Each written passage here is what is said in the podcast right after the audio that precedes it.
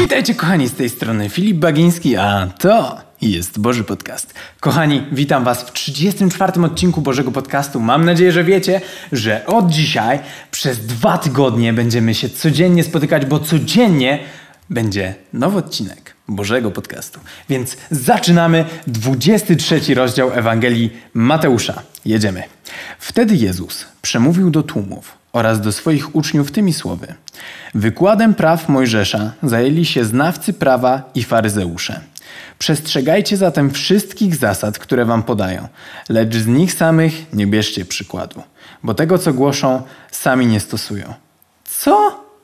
To jest hipokryzja i tego Jezus nie lubi. I zaraz zobaczycie, jak bardzo Jezus tego nie lubi. Że ludzie mówią jedno, a robią drugie. Albo w ogóle tego nie robią. Mówią, żeby robić, ale w ogóle nie robią. Wiążą oni ciężkie brzemiona, trudne do udźwignięcia i kładą ludziom na ramiona. Tymczasem sami nawet małym palcem nie chcą ich podeprzeć. Masakra. Masakra. Bo nie dość jeszcze, że oni wkładają na ludzi bardzo duży ciężar, to jeszcze takie, takie mam uczucie, że oni jeszcze bardziej wzmagają, że to jest jeszcze cięższe niż tak naprawdę jest. I nawet małym palcem, jak to mówi Jezus, nie pomogą. Wszystko robią na pokaz. Chcą być zauważani. Powiększają więc swoje modlitewne szkatułki, wydłużają frędzle swoich szat. Masakra. Ale tak mi się podoba. Powiększają swoje, powiększają więc swoje modlitewne szkatułki. To mnie wzbudza do refleksji. Ej, czy to nie jest tak, że ja robię niektóre rzeczy tylko na pokaz? Tylko żeby zwiększyć albo zapełnić moje modlitewne szkatułki? Według mnie Bogu chodzi o to, żeby nasze serce było nastawione na Niego. Żeby brnęło w relacje, a nie w to, żeby odbębnić jakieś rzeczy, tylko powiedzieć jakieś modlitwy, tylko zapełnić te modlitewne szkatułki, ale żeby nasz umysł i serce naprawdę pracowały w tym razem. Od szóstego. Lubią zaszczytne miejsca na ucztach i honorowe krzesła w synagogach.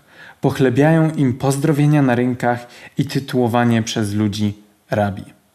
Czy to nie jest takie cały czas wzmaganie swojego ego? Ej, powiedz mi, że jestem dobry. Ej, no powiedz mi, wiem, że jestem, no powiedz mi.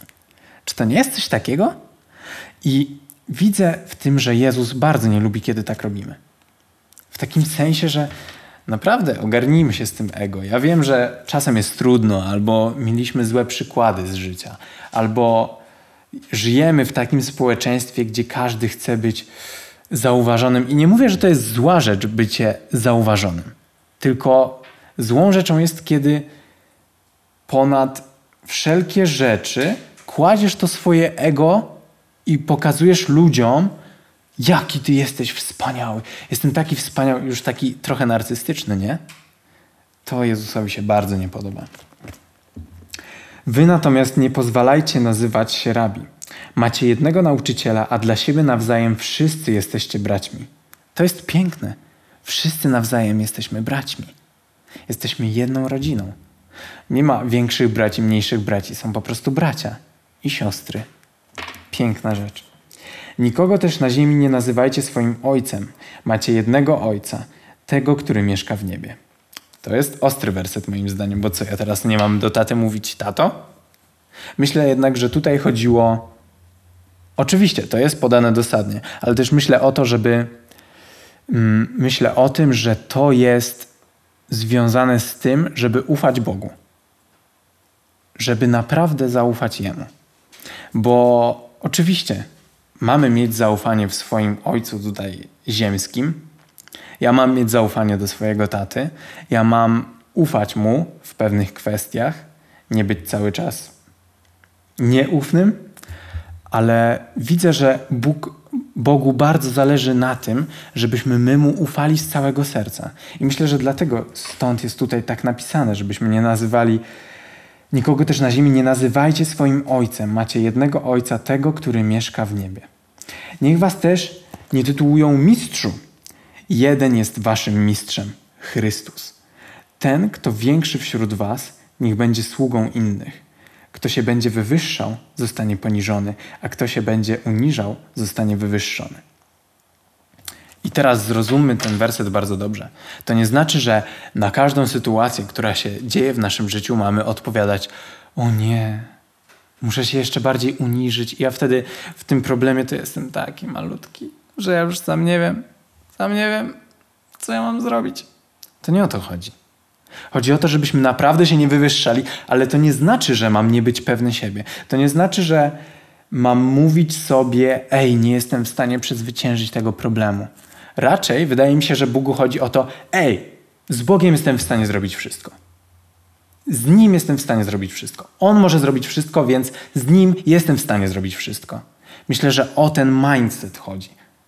O ten umysł, żebyśmy zainstalowali nowe oprogramowanie do swoich umysłów, a nie bycie. No ja już nie wiem, co z tym zrobić.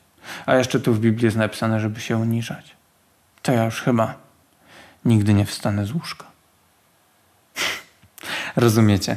Musimy to pojmować tak, jak jest napisane, ale patrzeć na to, jakie owoce wydają dane instrukcje lub dane sytuacje, które mamy w sobie instalować. I dalej lecimy.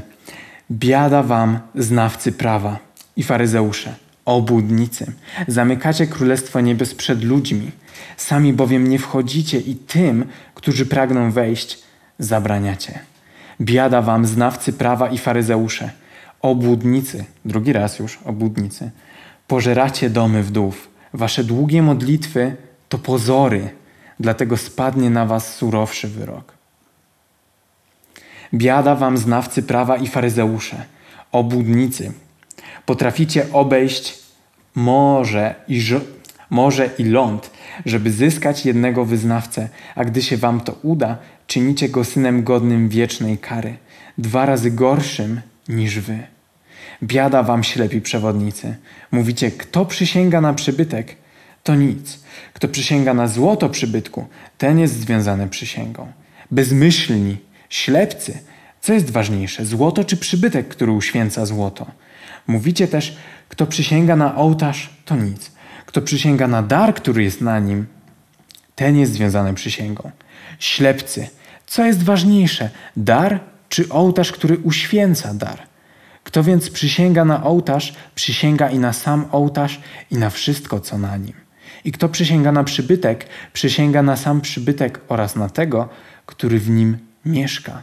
Również kto przysięga na niebo, przysięga na tron Boży oraz na tego, który na nim zasiada. Jak pierwszy raz to przeczytałem, to miałem takie. No dobra, ale o co w tym chodzi? Najpierw jest mowa o, o modlitwach, o tym, żeby yy, nie być takim pozorantem, a potem nagle o, o jakichś przysięgach, o tym, o tamtym. Możliwe, że to była jakaś taka kultura, która się nagle zrodziła, że ludzie zaczęli przysięgać sobie na różne rzeczy. Przysięgam na to, przysięgam na to. Nie, widziałem to, przysięgam na, na, na to, na to, na to. Możliwe, że tak było, ale myślę, że Jezus specjalnie to zrobił. Że mówił o tym specjalnie, dlatego że można to przyrównać, ten dar. Inaczej, co jest ważniejsze? Złoto czy, czy przybytek, który uświęca złoto, dar, czy ołtarz, który uświęca ten dar. I kiedy tak rozmyślałem, no to mówię, no, no przecież, no tak, ołtarz, który oświę, uświęca dar.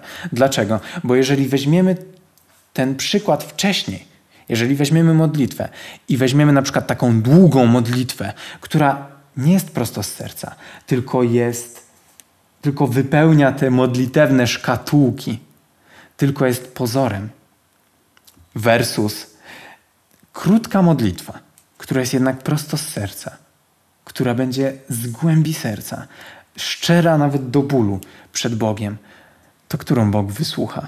Którą modlitwę Bóg wysłucha? I ja tutaj w ogóle nie mam nic do długich modlitw.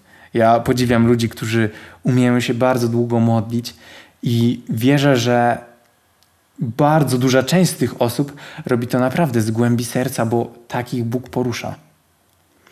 Tylko musimy pamiętać o tym, żeby nie robić tych rzeczy tylko na to, żeby inni ludzie zobaczyli, o, on się tak długo modli. O, on na pewno jest takim chrześcijaninem, takim religijnym człowiekiem, świętym człowiekiem. Musimy strzec od tego i patrzeć oczami, które dał nam Bóg, które będą duchowo niezabrudzone. I wierzę, że o to chodziło Bogu, że Bóg cały czas zwraca uwagę na to, żeby mieć serce otwarte na Niego, na relację z Nim, na prawdziwą, głęboką relację z Nim. Myślę, że o to chodziło w tym fragmencie.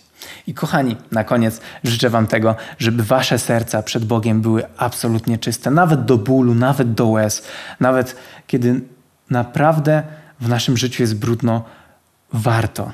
Warto Mu zaufać, warto wywalić ten cały brud po prostu z serca i być szczerym, przede wszystkim szczerym.